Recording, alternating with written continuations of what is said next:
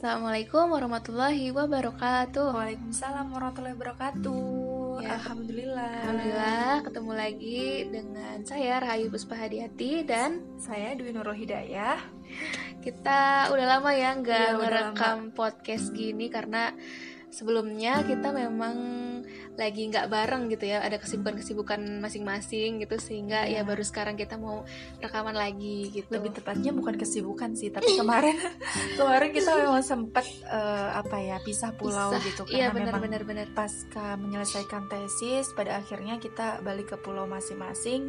Sebenarnya aku nggak balik sih, aku tetap di Pulau Jawa. Cuma Teh Ayu ini di Ke rumah bermeditasi ya. bermeditasi di kampung halaman. Gitu dan alhamdulillah eh, kita hari ini bisa kembali ke ruang dengar. Nah kayak gitu. Nah harapannya semoga nanti ke depannya podcast yang kita apa ya kita susun gitu ya kita bikin bisa terus berlanjut gitu. Karena insya Allah kita setahun ke depan ya bakal bareng atau selamanya lah kita bakal bareng. Amin. amin oke Sampai surga ada. Eh, bentar dulu, amin. Eh, bentar dulu. Eh, kita BTW mau bahas apa dulu nih kita di pertemuan ini? Kan kemarin-kemarin kita bahasnya cinta udah, Mhm. Q&A juga udah, tentang karya juga udah, bahkan tentang cantik. eh, makna cantik itu apa kita juga udah bahas nih. Nah, di pertemuan ini kita mau bahas apa nih? Gimana kalau kita bahas tentang eh, core dari perubahan ya? Wah, Yaitu- apa nih? Kok dari perubahan? Wah, kok jadi deg-degan sih Deg-degan sebelum ya? kita. Jadi ya pendidikan gitu Oke. sebagai eh, ujung tombak gitu ya dari perubahan itu sendiri. Eh, sebelum kita mulai nih, ini aku tadi nemu sebuah puisi yang memang aku kan sekarang lagi baca buku tentang pendidikan dan aku nemu puisi dari W.S. Rendra yang bagi aku ini tuh relate banget gitu. Kalau misal apa yang eh, sebelum kita ngobrolin ini tuh ini relate banget gitu buat mengawali diskusi kita hari ini. Oke, coba dong eh, Mbak Di dulu deh baca mana nih Oke. tulisannya? Kita satu bait satu bait ya. Boleh boleh. Di dalam kegagapan, kita hanya bisa membeli dan memakai, tanpa bisa mencipta. Kita tidak bisa memimpin, tetapi hanya bisa berkuasa. Persis seperti bapak-bapak kita.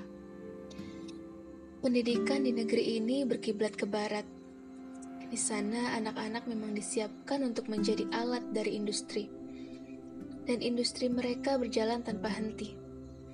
Tetapi kita dipersiapkan menjadi alat apa? Kita hanya menjadi alat birokrasi. Dan birokrasi menjadi berlebihan tanpa kegunaan. Menjadi benalu lidahan. Gelap. Pandanganku gelap. Pendidikan tidak memberikan pencerahan. Latihan-latihan tidak memberi pekerjaan. Gelap. Keluh kesahku gelap. Orang yang hidup di dalam pengangguran. W.S. Rendra, Sajak Anak Muda, Pejambon, Jakarta, 23 Juni 1977, Potret Pembangunan dalam Puisi. Nah, itu tadi ya. Masya Allah. Oke, apa yang kamu tangkap pertama ketika membaca uh, puisi ini? Oke, ya aku tangkap sih ya itu hmm, sebuah kritik tentang pendidikan ya yang lumayan menohok ya, cukup pedas gitu tentang pendidikan itu sendiri gitu. Nah, eh, aku tuh mau nanya deh, gimana kalau kita bahas nih tentang eh, gimana sih awareness dari praktisi-praktisi pendidikan di Indonesia itu sendiri?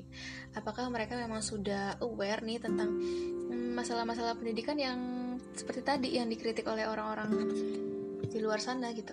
Iya, oke. Nah, sebenarnya kalau misal ditanya apakah memang sebenarnya praktisi pendidikan atau para akademisi atau bahkan calon-calon guru yang memang sedang ditempa di ruang kelas, apakah memang mereka sudah aware gitu?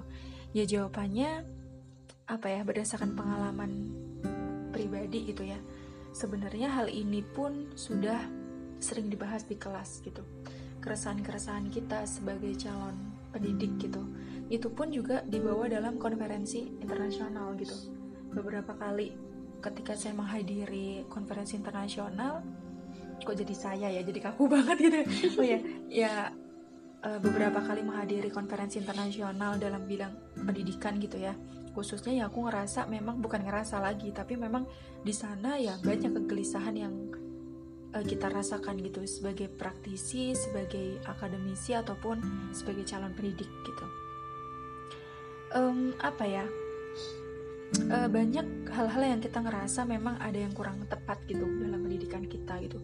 Entah sistemnya, entah itu bobot kurikulumnya, entah itu pelajaran-pelajaran yang ada di dalamnya, entah itu apa ya fasilitas untuk uh, menggali bakat dan minat yang kurang atau bahkan yang paling sebenarnya ya, yang paling menohok banget adalah ketika kita sadar bahwa pendidikan itu untuk menajamkan otak gitu.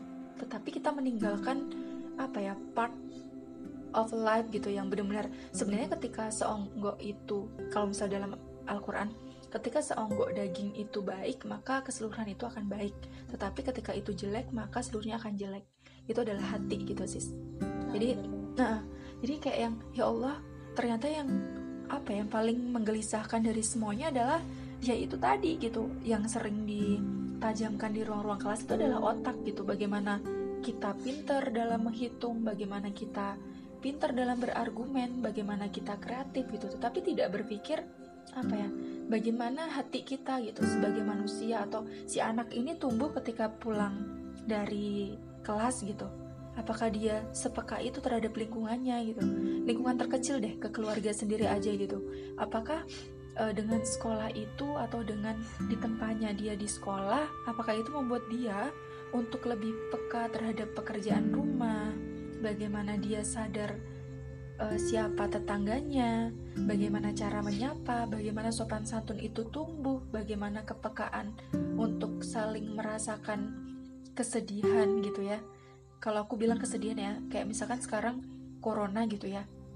Di musim kayak gini pandemi juga kita itu kayak apakah hati kita itu tergerak gitu untuk membantu sesama dan apakah misalkan si anak ini memang punya uh, apa ya kepekaan segitunya gitu untuk berbuat uh, kepada apa ya orang di sekitarnya gitu sih sis. Itu yang benar-benar aku pribadi juga ngerasa ya Allah ini tuh PR besar gitu buat um, para calon pendidik gitu ya. Begitupun praktisi maupun akademisi itu kalau kamu? Iya sih benar banget. Jadi uh, apa ya mungkin beban-beban materi-materi di kelas itu membuat mereka uh, kurang peka dengan perasaannya sendiri gitu jadi ketika dia sendiri pun kurang peka dengan perasaan bagaimana ia bisa peka terhadap orang lain gitu? Toh dia sendiri uh, merasa ya bahagianya dia itu kurang dia rasain gitu. Dia bahagia atau enggak di pendidikan itu girohnya belajar itu apakah dia masih bisa tuh ngerasain? Kan harusnya fitrah seorang manusia itu kan uh, merasa untuk harus terus belajar ya. Hmm, tapi kenyataannya banyak banget tuh anak-anak yang ngeluh gitu. Justru kayak banyak banget nih tugasnya banyak banget nih uh, yang harus aku hafal gitu yang harus aku kerjakan gitu. Jadi uh, lebih banyak keluhan-keluhan sehingga ya itu benar tadi mengikis gitu fitrahnya mereka untuk terus belajar dengan bahagia gitu. Hmm. seperti itu sih sis. Jadi tapi gini deh mungkin uh, banyaknya materi yang disajikan itu ada hubungannya sih sama uh, tes PISA. Oh, tes PISA ya sama OECD juga. Uh, yang di banyak negara itu ya 79 negara yang mengikuti itu. Jadi memang uh, yang aku tahu Indonesia itu di urutan ke 74 dari 79 negara gitu. Jadi memang dalam bidang sains ya itu. Jadi sains dalam matematika. Uh, sains matematika. Sama bahasa Indonesia kalau nggak salah bisa mm, itu. Jadi dalam bidang akademiknya itu sendiri dinilainya kalau dibandingkan dengan negara lain ya memang urutan bawah gitu. Itu gimana ya? Apakah memang itu juga berpengaruh atau enggak gitu menurut kamu? Hmm, kalau beban maksudnya gini sih kalau aku lebih melihatnya bisa dan uh, ada lagi ya satu lagi OECD namanya. Uh, itu kan memang apa ya alat ukur yang memang untuk mengetahui posisi Indonesia atau pendidikan Indonesia di ranah dunia gitu ya. Nah kayak gitu terus ranah ini internasional gitu ya nah untuk hasil itu sebenarnya kalau di situ kan diukurnya memang tentang soal-soal matematika, soal bahasa Indonesia gitu ya. Jadi kalau misal kayak lebih tepatnya gini, apakah uh, urutan 74 dari 79 negara itu sudah menjadi cerminan wajah pendidikan di Indonesia ya aku bisa bilang bisa jadi iya bisa jadi enggak. Karena aku uh, karena aku berpikirnya gini sih. Kalau soal gini loh itu bukan karena bukan alasan Indonesia memakai kurikulum yang sangat padat gitu ya. Itu karena PISA bukan gitu. Karena itu hal yang berbeda gitu ya. Okay. uh, jadi memang beban itu yang banyak yaitu memang kebijakan dari Indonesia sendiri gitu memberikan beban yang sangat besar gitu dan aku rasa-rasanya paling kalau misal nanti teman-teman yang mendengarkan butuh diskusi lanjut tentang hal yang sensitif ini mungkin bisa ya. Tapi aku nggak bisa ngungkapin sevulgar itu gitu kalau misalnya lewat podcast okay, ya, ya I see. Nah, jadi adalah uh, something yang memang kurikulum itu nggak bisa dirubah se maksudnya se, se fleksibel itu gitu. Karena ada gitu uh, apa ya aku aku susah sih bilangnya kalau di podcast ya karena ada kan, banyak hal lain yang perlu dipertimbangkan nah, gitu sih kalau misalkan dalam tanda kutip sesuatu yang dipertimbangkan itu memang pengen teman-teman ketahui ya mungkin nanti bisa uh, nge-DM aja kali ya gitu. Itu aja sih uh, dan apa ya sih kalau misalkan karena gini PISA itu kan tentang pengerjaan soal, so di sana kan ada kognitif gitu ya. Sementara wajah pendidikan itu sebenarnya tidak hanya diwakili dengan kognitif. Kognitif itu adalah bagaimana anak berpikir, bagaimana anak bisa mengerjakan soal, bagaimana anak menyelesaikan problem solving berbentuk soal gitu. Kan nggak cuma itu gitu. Bahwa piranti pendidikan atau uh, apa ya elemen pendidikan itu kan justru yang kita harapkan adalah bagaimana si pendidikan itu membuat orang tahu menjadi tidak tahu, mengerti menjadi mm, tidak mengerti menjadi mengerti, belum paham menjadi lebih paham dan begitupun apa ya yang istilah terdidik ini kan lebih ke sebenarnya adalah itu bisa menjadi output akhlak gitu. Apa ya? Hmm, manusia kan manusia. Ah betul. Kayak manusia kan manusia. Bagaimana tadi kamu bilang ya itu tentang kebahagiaan mereka untuk belajar gitu. Nah, itu yang penting gitu. Jadi kayak sebenarnya pendidikan sendiri ya memahamkan manusia bahwa dia adalah pembelajar seumur hidup gitu. Bahwa belajar itu lagi-lagi ya nanti dia tidak berhenti hanya di ruang kelas, tetapi ketika menghadapi persoalan di dalam keseharian ya itu adalah belajar gitu. Jadi dia bisa memaknai belajar itu lebih luas gitu. Dan apa ya? Justru uh, pendidikan yang sehat adalah pendidikan yang membuat si siswa ketika keluar kelas itu mencari lebih banyak lagi ilmu gitu. Hmm. Contoh aku hari ini ya misalkan, aku bahas fisika gitu. Uh, misalkan tentang kalau di uh, eh, SMA gitu ada yang dinamakan resonansi gitu.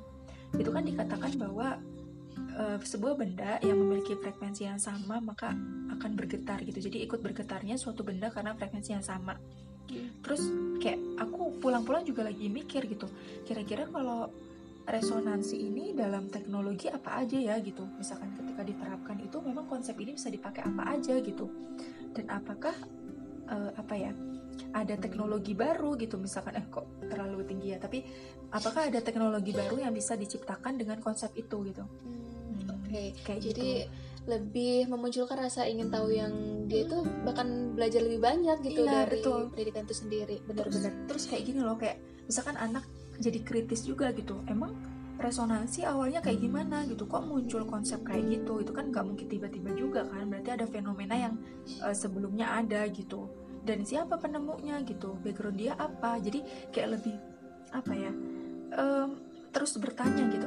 Nah itu sebenarnya output pendidikan yang uh, harusnya seperti itu gitu jadi anak tuh jadi butuh belajar gitu bukan karena jadi nggak lagi yang kamu gitu loh kayak kamu tadi kan bilang ya itu mah misalkan uh, si anak itu jadi nggak jadi nggak bahagia belajar gitu karena hmm, memang terlalu iya. banyak yang apa ya disuapi gitunya eh gitu ya kayak misalkan iya, iya. Hmm, gitu sih lebih tepatnya meskipun dengan tidak bahagia belajar pun dia juga bisa bisa jadi tinggi ya kognitifnya. Maksudnya mm-hmm. capaiannya tuh bisa jadi tinggi. Mm-hmm. Betul. karena kan dia uh, drilling ya gitu. Jadi kayak uh, hal yang disajikan tuh diulang-ulang sehingga dia bisa uh, menerima itu gitu. Nah itu dia juga. Itu tuh hal yang kalau dalam teori itu namanya teori behavioristik ya. Mm-hmm. jadi itu namanya teori pembiasaan. Jadi sesuatu perilaku yang diulang-ulang maka itu akan menjadi apa ya output yang memang ya akan seperti itu gitu. Kalau hmm. A itu diulang-ulang ya nanti dia secara otomatis akan muncul A gitu. Nah yeah. tetapi kan uh, sekali lagi bukan itu tujuan kita gitu. Ya jangan salah kalau misalkan ketika sebuah pelajaran gitu ya uh, diajarkan di misalkan di kelas 3 gitu ya nanti itu akan lupa ketika dia sudah naik kelas gitu. Karena memang yang kita lakukan adalah tentang drilling gitu Iya benar. Dan dia nggak tahu makna tujuan, maksudnya ya tujuan dia belajar itu tuh apa gitu. Jadi hmm. lebih tepatnya tuh kayak apa ya kayak ngerasa ternyata apa yang kita jalani juga pendidikan ini kok jadi belain goals gitu ya, kayak tujuan yang buta gitu, buta tujuan gitu. Benar, si benar. anak ini gitu. Jadi aku nggak bilang gurunya ya, ya. ya. mungkin gurunya tahu tujuannya gitu cuma kan untuk anak itu anak nggak paham kenapa harus belajar itu nah itu sih goalsnya oke berarti dari sini kita uh, belajar ya untuk uh, gimana sih biar si anak itu tahu nih sebenarnya goalsnya itu eh, nggak uh, cuman hasil nilai doang gitu, tapi bagaimana prosesnya sehingga dia bisa memaknai itu dengan lebih baik gitu. betul gitu Oke, nah berarti bisa kita simpulin dong ya bahwa sebenarnya uh, masalah-masalah yang ada di pendidikan itu sebenarnya udah aware ya para praktisi itu. Hmm, Cuman uh, menurut kamu apakah para praktisi itu udah menghadirkan solusi solusi solusinya gitu di lapangan? Hmm, Oke, okay. aku coba jawab ya. Um, ini berdasarkan jadi aku tuh setahun oh dua tahun lah ya dua tahun terakhir aku memang lagi fokus banget ya selain di metamorfosa juga kan bareng kamu di metamorfosa gitu ya jadi kita, iya, kita... Uh, nemenin apa ya ya kita menghadirkan sebuah wadah uh, informal gitu ya buat teman-teman pemuda yang memang apa ya pengen berkarya gitu atau menemukan potensinya gitu. Lalu nanti kita mendampingi mereka sehingga nanti bisa apa ya berkontribusi untuk masyarakat gitu. Nah selain itu juga karena memang apa ya metamorfosa sendiri kan ke depannya pengen banget nih buat apa ya ya ini ini kita minta diaminkan ya untuk para pendengar juga bahwa nantinya kita bisa untuk membuat sebuah sekolah gitu. Nah hmm. itu kenapa sebelumnya atau dua tahun terakhir kita melakukan apa ya kunjungan gitu terhadap eh, kepada sekolah-sekolah yang memang uh, kita nilai sekolah itu mampu apa ya bukan mampu tapi memang sudah memberikan sebuah solusi gitu dari keresahan-keresahan yang ada gitu. Ya um, banyak yang aku aku nih beberapa sekolah ya yang sudah uh, ditemukan. Ini disebutin namanya nggak ya? Atau di ituin aja dibelainkan aja nggak apa sih sebenarnya ya nggak apa-apa oke okay. yang aku udah pernah itu contohnya adalah sekolah namanya Hayat School. Hayat School itu ada di Bandung. Nanti teman-teman bisa searching aja itu uh, foundernya Bu Sri Haryati. Nah, terus ada juga hmm, sekolah Lebah Putih yang itu uh, orang tuanya Kak Enas yang apa namanya Kak Enas Kusuma Bu Bu Septi. Ya. Terus dan aku yang ngerasain memang sekolah yang apa ya yang memang memakai kurikulum nasional tapi aku pun sendiri sebagai orang yang pernah uh, di sana itu yang ngerasain bagus tuh ya uh, Alpha Centauri hmm. itu okay. terus ada juga Darul Hikam itu dia ada stemnya Darul Hikam yang ada okay. di okay, okay. Darul Hikam Integrated School yang ada di Lembang, di Lembang. Mm -hmm. yeah.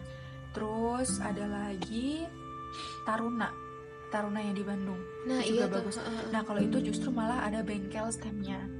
Iya bener banget. Jadi aku uh, pernah tahu ya, maksudnya anak-anak taruna itu memang kemampuan untuk uh, labnya gitu, kemampuan untuk uh, yang berhubungan dengan sains dan teknologinya itu uh, lumayan jauh lebih tinggi dibandingkan sekolah-sekolah lain. Mungkin karena uh, ada lab tadi itu ya, gitu, ada bengkel, bengkel STEM, bengkel STEM gitu. Iya gitu.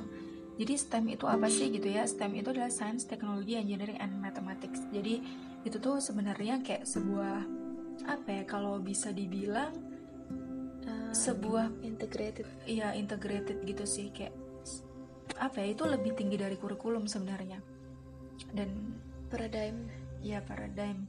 Jadi itu memang gimana ya? Itu untuk uh, integrasi antara sainsnya, teknologi, terus itu tekniknya uh, teknik itu mereka yasa ya maksudnya membuat sesuatu gitu produk gitu yeah. atau membuat desain sesuatu lalu ada matematikanya jadi kita mengkolaborasikan uh, empat itu gitu bahkan yang terbaru itu berdasarkan jurnal internasional itu memang ada A-nya jadi STEM A-nya tuh art. Uh, uh, jadi di sana pun ketika membuat sebuah produk atau desain uh, prototype gitu, itu tuh udah sama seninya gitu. Nah, hmm. itu nah. Jadi apa ya tadi ngobrol tentang sekolah-sekolah yang pernah aku sendiri apa namanya ke sana gitu ya. Dan memang sekolah-sekolah itu pun apa ya berusaha untuk memberikan jawaban atas keresahan para orang tua gitu terhadap sistem pendidikan gitu sih lebih tepatnya. Jadi kalau misal Hayat School juga itu tuh benar-benar kalau itu sekolahnya kalau dibilang sekolah alam enggak juga gitu. Nah, bukan sekolah alam gitu, tapi di sana mencoba untuk apa ya menumbuhkan fitroh. Fitrohnya tuh ada fitroh kesucian, fitroh bakat dan minat, terus fitroh kepemimpinan, fitroh uh, sosial dan individu gitu. Terus ada fitroh belajar yang kamu sebutin tadi gitu. Jadi memang bahwa apa ya di dalam fitrah based education ini memang meyakini bahwa anak itu memang nggak selembar kertas putih yang nggak tahu apa-apa gitu. Tapi sebetulnya dalam diri dia itu sudah ada fitrah gitu. Fitrah itu adalah apa ya sebuah potensi yang memang sudah diberikan Allah sejak lahir gitu sih. Hmm, gitu. iya, iya. jadi guru itu ya ketika hadir fungsinya adalah untuk memantik fitrah-fitrah itu tumbuh gitu. Sudah ada di dalam tinggal tumbuh gitu loh. Nah kayak fitrah tuh akarnya gitu loh. Sudah akar maka yang dilakukan guru-guru itu ya gimana? Kayak menyirami merawat gitu sih sehingga nanti bisa tumbuh daun buah gitu eh bunga buah gitu. Oke. Okay. uh, dan apa ya uh, kalau misalkan kita ngomongin tentang apakah sekolah-sekolah itu uh, mampu untuk menajamkan hati gitu ya selain untuk menajamkan intelektual yeah. atau otak sendiri gitu ya apakah memang sudah menjawab itu dan apakah dengan gerakan-gerakan para praktisi itu mampu untuk apa ya paling tidak memperbaikilah wajah pendidikan gitu kalau bisa dibilang ya PR kita masih banyak sekali gitu dan pergerakan praktisi itu sebenarnya ya belum cukup gitu belum cukup gitu. Terus lalu gimana gitu? Apakah itu sudah benar-benar bisa untuk merubah gitu semuanya ya? Tentunya bisa dijawab dalam hati masing-masing gitu. Kayak kita masing-masing pun udah tahu gitu bagaimana uh, permasalahan pendidikan ini kan sangat kompleks ya gitu. Tapi dan apa ya? Dan itu penting gitu untuk diperbaiki. Hmm. Dan kompleksnya tuh kalau kita bisa bilang apalagi sistem pendidikan yang di negara kita gitu ya yeah. kompleksnya itu kan luar biasa kak sampai hmm. ada bahkan ada politik will gitu ya di sana dan mm-hmm. sebagai dan sebagainya gitu. Nah, kalau memperbaikinya kira-kira dengan para praktisi bergerak kayak gitu apakah sudah mampu menjawab gitu? Nah, uh, tentunya kita nggak bisa bilang itu akan bisa merubah total, ya. Itu adalah sesuatu yang masih jauh. Tetapi uh, seperti mentor kita selalu bilang bahwa jadilah semut semut hitam kecil yang yeah yang stay small gitu stay small yes. jadi kita apa ya nggak apa-apa kecil gitu tapi kecil-kecil itu semut hitam kecil-kecil kecil-kecil banyak dan pada akhirnya kita mampu untuk apa ya kan kita tahu ya semut-semut hitam itu kan kecil ya yeah. tapi karena bareng gitu ya terus itu bisa untuk membawa apa ya sebuah benda yang besar gitulah intinya. Dan kita bisa naik gitu ke atas. Dan itu yang sebenarnya uh, sedang kita semuanya gitu. Sebagai orang yang memang bergerak atau memilih jalan hidup untuk di bidang pendidikan ya kita pengen menjadi semut kecil itu itu kita nggak bisa langsung merubah seperti apa ya uh, membuk, membu ya. membuk apa ya membuka atau seperti membalikan telapak tangan gitu enggak. Tapi yes, kita tetap stay itu. small gitu sih stay small gitu. Dan kita optimis gitu. Dan PR kita masih banyak BTW bener banget. Cuman yang aku lihat sih memang uh, karena banyak ya inovasi-inovasi di sekolah-sekolah yang disebutin tadi itu memang orang kayak udah melihat oh jadi seperti ini nih pendidikan yang baik itu gitu. Bahwa ya perlu gitu penajaman hati juga gitu yang kita tingkatkan di sekolah formal itu juga. Tapi sih aku agak gelisah juga sebenarnya. Maksudnya uh, sekolah-sekolah yang disebutkan tadi itu kebanyakan itu adalah memang sekolah-sekolah swasta gitu yang sudah uh, paham gitu tentang pendidikan yang sudah aware dan uh, kebanyakan itu apa ya biayanya kosnya sangat mahal. Karena memang kualitasnya baik gitu ya kualitas fasilitasnya baik gurunya pun sangat baik gitu. Jadi memang uh, butuh kos yang banyak. Tapi ya aku karena di Indonesia sendiri ini banyak banget ya orang-orang yang nggak bisa gitu menjangkau pendidikan yang mahal itu gitu jadi aku gelisahnya di situ sih sebenarnya okay. uh, eh, tapi mungkin kita lebih tepatnya belum tentu yang maksudnya nggak semuanya apa yang kita sebutkan tadi mahal semua okay, gitu enggak okay, ya enggak, enggak. jadi intinya kita kebanyakan lebih, aja hmm, lebih lebih general ya lebih general yes. gitu ya dalam hal ini adalah sekolah yang bagus sekolah yang menawarkan kurikulum yang bagus lingkungan yang bagus pun uh, model pembelajaran yang bagus itu memang kosnya biasanya tinggi. Nah uh -uh. itu sih. Nah kalau misal ditanya itu jadi keresahan kamu ya itu juga jadi keresahan aku gitu sih. Maksudnya keresahan bersama iya, uh, iya keresahan bersama lebih tepatnya. Karena iya. memang ya itu tadi gitu uh, itu PR kita gitu PR kita untuk ya apa ya setidaknya kita jadi apa ya sebagai orang yang memang di jalan pendidikan itu kita harus aware. Opsi kita dua. Mm-hmm. apa tuh perubahannya? Satu kita memilih berada di dalam sistem sistem pendidikan yang sekarang. Dalam hal ini adalah formal ya. Tetapi kita punya komitmen untuk terus merubah mulai dari hal kecil termasuk menjadi guru yang mempersiapkan sebaik mungkin ketika mengajar gitu dengan model-model pembelajaran yang kita bahasanya apa ya yang kita kaji gitu yang kita gadang-gadangkan ketika kita berada di bangku gitu ya di bangku kuliah gitu. Dan terus punya visi itu untuk gimana bisa menjadi apa ya pemantik fitrahnya anak-anak ketika di sekolah gitu ya. Yeah. atau dua. Opsi kedua adalah uh, kita punya opsi untuk menjadi penggerak. Grassroots ya yang sunyi. Ya jalan yang sunyi itu ya kita menjadi apa ya inisiator untuk memunculkan sekolah itu itu sekolah yang kita bilang itu tidak hanya menajamkan otak gitu tapi juga menajamkan hati itu jadi gimana empati seorang anak itu bisa tumbuh gitu ketika memang mereka berada di pendidikan yang uh, kita buat ini gitu. Terus kalau misalkan keresahan kita tadi adalah tentang kos yang mahal ya itu balik ke kita lagi yang sedang ngobrol hari ini gitu ya dan teman-teman pendengar yang memang uh, aware tentang pendidikan ya itu ideal sekali gitu saya bisa bilang ya itu PR kita bersama gitu kita bisa bareng-bareng apa ya ya kita memikirkan itu gitu. gimana okay. bisa menciptakan uh, pendidikan yang memang bisa menajamkan hati tetapi kosnya itu juga enggak mahal gitu. Pasti ada strateginya entah itu nanti subsidi silang maybe gitu kan maksudnya. Okay. dan, dan itu banyak sekali sih. Atau misalkan di sekolah itu memang terintegrasi gitu sih. Maksudnya nanti bakal ada misalkan apa ya? Ya nanti kita bisa hmm. bisa apa ya sama-sama duduk bareng dan kita berinovasi gitu dan itu akan mungkin menjadi pembahasan kita nantinya ya tentang bagaimana kita bisa menciptakan uh, pendidikan yang kos yang bagus tetapi kosnya nggak terlalu mahal gitu.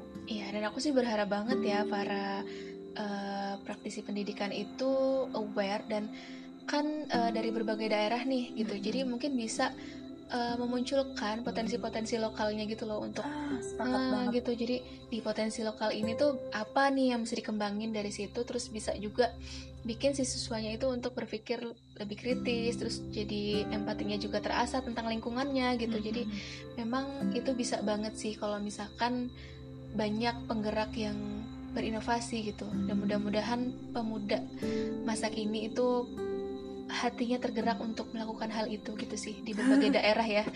Berdua sama-sama.